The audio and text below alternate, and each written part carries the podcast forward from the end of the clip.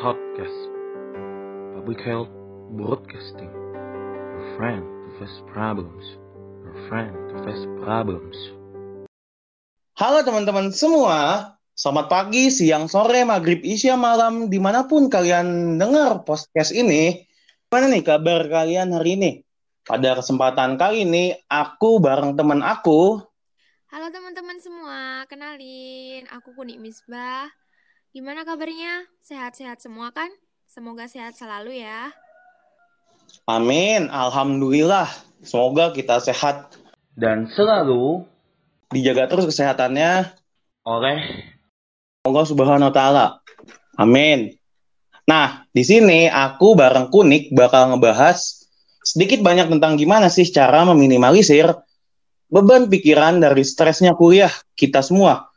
Pastinya kita semua sebagai mahasiswa yang sedang menempuh kuliah memiliki berbagai tugas maupun peran peran dan tanggung jawab yang cukup sulit nih untuk dijalani.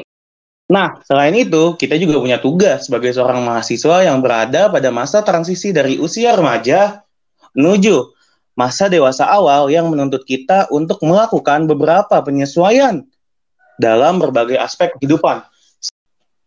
Selain itu, kita sebagai mahasiswa butuh waktu untuk menyesuaikan diri dari kebiasaan yang tidak sama seperti saat di SMA yang kita alami sekarang di masa perkuliahan. Aduh, pusing banget, Kun. Kuliah-kuliah gini banyak tugas numpuk. Ya namanya juga kuliah, pasti ada tugas kan. Yang nggak kuliah pun juga pasti punya tugas yang lain. Ya, iya, tapi nggak sebanyak ini juga kali. Kalau kayak gini terus, gimana nggak stres coba kun? Gini deh, aku punya tips and trick buat ngilangin stres karena kuliah.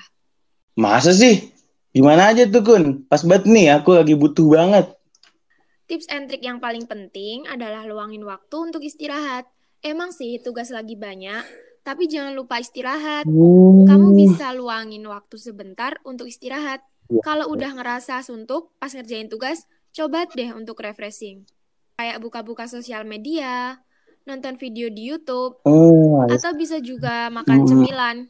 Nah, kalau udah ngerasa nggak suntuk lagi, bisa lanjut ngerjain tugas lagi deh. oh alah, iya juga ya, bener banget. Nah, selain itu, yang nggak kalah penting adalah jangan pernah nunda-nunda tugas, karena tanpa disadari, tiba-tiba tuh tugas udah numpuk aja. Kalau udah numpuk gitu kan, kita bakal panik dan ngerjainnya pun nggak maksimal kan? Bener banget. Harus digaris bawah itu sama kita-kita yang kaum deadlineer dan rebahaners. Jadi, kalau emang bisa dikerjain di awal, kenapa enggak? Biar gampang. Kita bisa coba buat jadwal tugas. Mana yang harus diprioritaskan, mana yang deadline-nya paling awal. Setelah buat jadwal, kita bisa mulai ngerjain tugasnya sesuai jadwal yang udah dibuat tadi. Jadi, nggak bakal ada tugas tuh yang ketinggalan atau kelupaan. Bener banget sih, Kun. Kadang kita tuh suka nunda-nunda ngerjain tugas. Eh, akhirnya malah jadi lupa kalau punya tugas. Kak. Oh iya, ada satu lagi nih. Kalau emang udah selesai ngerjain tugas, jangan lupa buat refreshing diri ya. Contohnya kayak me time. Kamu juga bisa jalan-jalan sendirian ke suatu tempat yang kamu suka untuk nge-refresh pikiran kamu. Kamu juga bisa makan makanan favorit kamu atau bisa juga sekedar hangout atau main-main sama teman kamu. Anggap aja time itu sebagai apresiasi ke diri kamu sendiri karena udah selesai ngerjain tugas. Tapi jangan keterusan ya me time-nya. Harus tahu waktu juga. Ya ampun, bener banget apa kata kamu, Kun. Makasih banget nih tips and triknya. Pasti bakalan aku ikutin tips and trik dari kamu, biar gak jadi stres gara-gara nugas. Iya, semoga bermanfaat ya. Karena tips and trick itu benar-benar bermanfaat banget di aku. Jangan lupa dilakuin ya. Siap, pastinya Kun. Bener banget nih saran dan tips and trik yang kamu kasih. Tapi gimana ya Kun? Selain masalah-masalah tadi, kita juga nantinya kayak bakal ketemu gitu nggak sih sama merasakan salah satu penyakit anak kuliah pada umumnya di mana ada suatu momen kita yang lelah akibat nugas kuliahan yang banyak dan numpuk pengen banget rasanya lepas dari kehidupan kuliah sejenak dan mulai saat itulah kita rindu gitu kenyamanan di rumah sendiri yang biasanya kita kenal dengan sebutan homesick gitu kun Iya gitu. BTW, coba deh kamu ngaca. Mata kamu agak menghitam kayak orang kurang tidur gitu. Duh, iya sih, bener banget. Aku susah tidur soalnya kebayang-bayang sama keluarga di rumah. Aku kangen banget gitu kun sama orang rumah. Terutama kangen sama mama. Bener kata Dilan, rindu itu berat. Udah gitu ditambah banyak banget tugas lagi. Jadi tambah susah tidur gitu deh. Kira-kira kamu ada nggak tuh, Kun, tips buat aku, buat problem aku yang satu ini gitu? Um, ada. Coba deh. Pertama, kamu ringain dulu rasa rindu kamu itu dengan cara nyempetin waktu kamu buat hubungin lewat video call atau telepon walau cuma sebentar. Bisa juga dengan sering mengirim pesan. Ceritain apa aja yang membuat kamu terganggu dan jangan lupa untuk meminta restu orang tua dalam hal apa pun. Wah, iya juga ya, bener banget. Restu orang tua itu kan emang penting banget. Karena seperti yang kita tahu, Kun, ridho Tuhan bersama dengan ridho orang tua. Nah. Lagi nggak, Kun, tips-tips lainnya gitu? Nah, tips yang kedua, kamu bisa membuat agenda kegiatan bersama teman dekat kamu di kampus atau sibukkan diri kamu dengan aktivitas yang kamu sukai. Terus me time sebentar juga boleh. Me time itu penting banget buat kamu. Oh iya boleh juga tuh.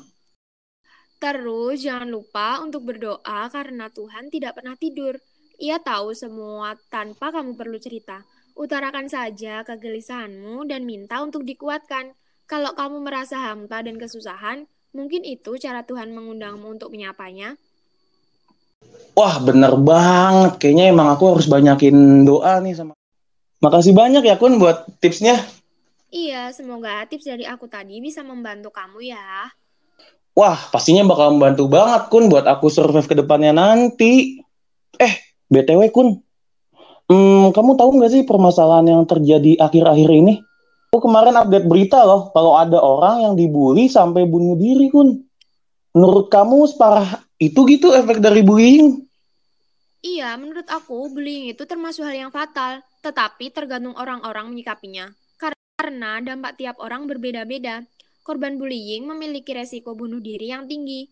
Bullying bisa memicu depresi, gangguan jiwa yang berhubungan erat dengan kecenderungan untuk bunuh diri. Karena korban yang merasa terkucilkan akhirnya mengalami depresi dan memilih bunuh diri sebagai jalan keluar dari keadaannya yang sekarang. Ya Allah, bisa sampai kayak gitu ya ternyata. Nah, karena itu pentingnya kita untuk mengetahui dan menyadari kesehatan mental seseorang. Karena kita nggak tahu kapan mereka depresi karena omongan dan tingkah kita, Kun. Bener banget nih, kita sebagai kaum milenial seharusnya mengerti hal seperti ini. Untuk menghindari bullying, kita bisa dengan menjalin pertemanan dengan banyak orang. Pentingnya menumbuhkan rasa percaya diri dan jadikan bulian sebagai penyemangat untuk kita sukses. Wah, parah sih. Bener banget, Kun. Sama jangan lupa, Kun, untuk meminta selalu support dari orang-orang terdekat kita. Dan paling penting, dari orang tua kita. Nah, nah, iya. Lebih baik kita tidak memendam permasalahan yang terjadi terhadap diri kita. Karena jika dipendam sendirian itu akan memicu depresi. Maka dari itu, pentingnya kita untuk komunikasi ke orang terdekat. Nah, bener banget, Kun. Semoga kita ke depannya bakal lebih aware dan paham tentang pentingnya menjaga kesehatan mental di saat perkuliahan seperti ini. Kalau memang kita merasa tertekan, kita kita bisa nih cerita dan bagikan keluh kesah yang sedang dirasakan kepada teman terdekat yang kita percayai tentunya. Atau bila dirasa sudah terlampau parah, jangan pernah minder untuk datang ke psikolog dan melakukan konsultasi agar kesehatan mental kita dapat kembali pulih serta bisa melanjutkan kehidupan kita kembali seperti normal. Sekian podcast dari kami, semoga informasi yang telah kami berikan bisa bermanfaat bagi kita semua yang memang sedang menginjakan kaki di dunia perkuliahan. Terima kasih semuanya. Sampai jumpa kembali di podcast selanjutnya. Makasih teman-teman semua. Sampai jumpa di podcast selanjutnya ya. Public Health Broadcasting. Your friend to face problems. Your friend to face problems.